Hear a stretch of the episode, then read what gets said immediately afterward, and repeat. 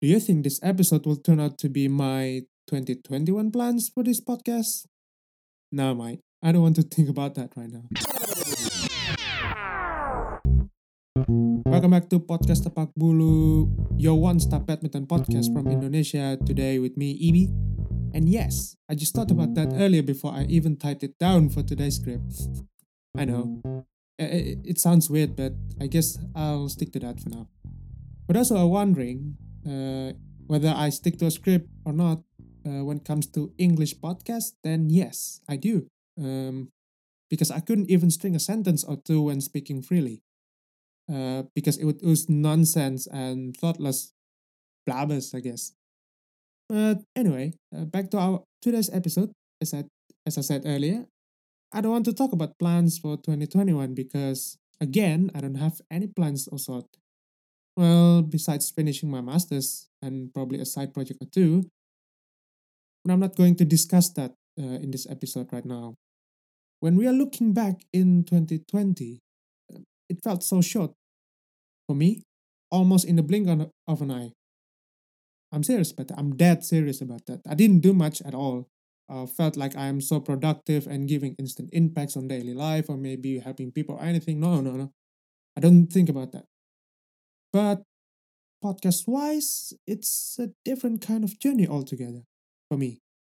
I thought I would produce maybe 30 or 40 episodes max uh, for 2020, but the number is almost double or even tripled, I guess.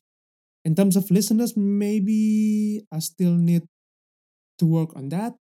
But I'm glad that at least one or two people do keep listening to the podcast throughout this unprecedented, sorry, unprecedented, no, throughout this um throughout this pandemic year. I, I, I wrote unprecedented, yes, but come on, man. I don't care. Uh, if there's a resolution that has been done this year, if I have to point one out, and this podcast would be the answer.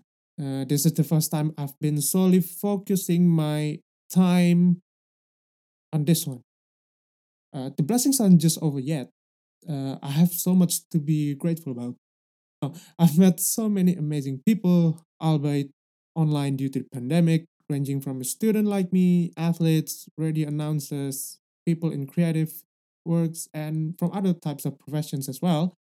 I can even point out every single one of them. I'm grateful that they are teaching me, or maybe they have taught me about anything uh, to learn about this year in 2020. They are alone have ticked so much boxes, so many boxes from my imaginary to-do list that I couldn't even possibly thought about about that. Yeah.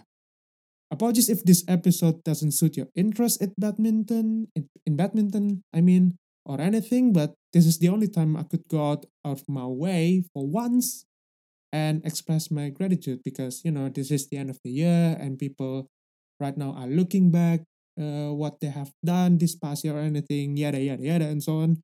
Even though I don't believe in resolution or anything regarding New Year, because uh, again, it's just a different number at the end of the date on your phone or even on your calendar, for example. But I just want to wish you a good slide into 2021.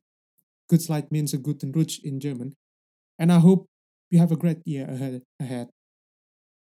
I do. I do hope you get you have a great year ahead. All right. I guess that's just it from me uh, in this episode 30. Uh, this is probably the last English episode in 2020. And I want to say thank you so much for listening and EB signing out. Peace.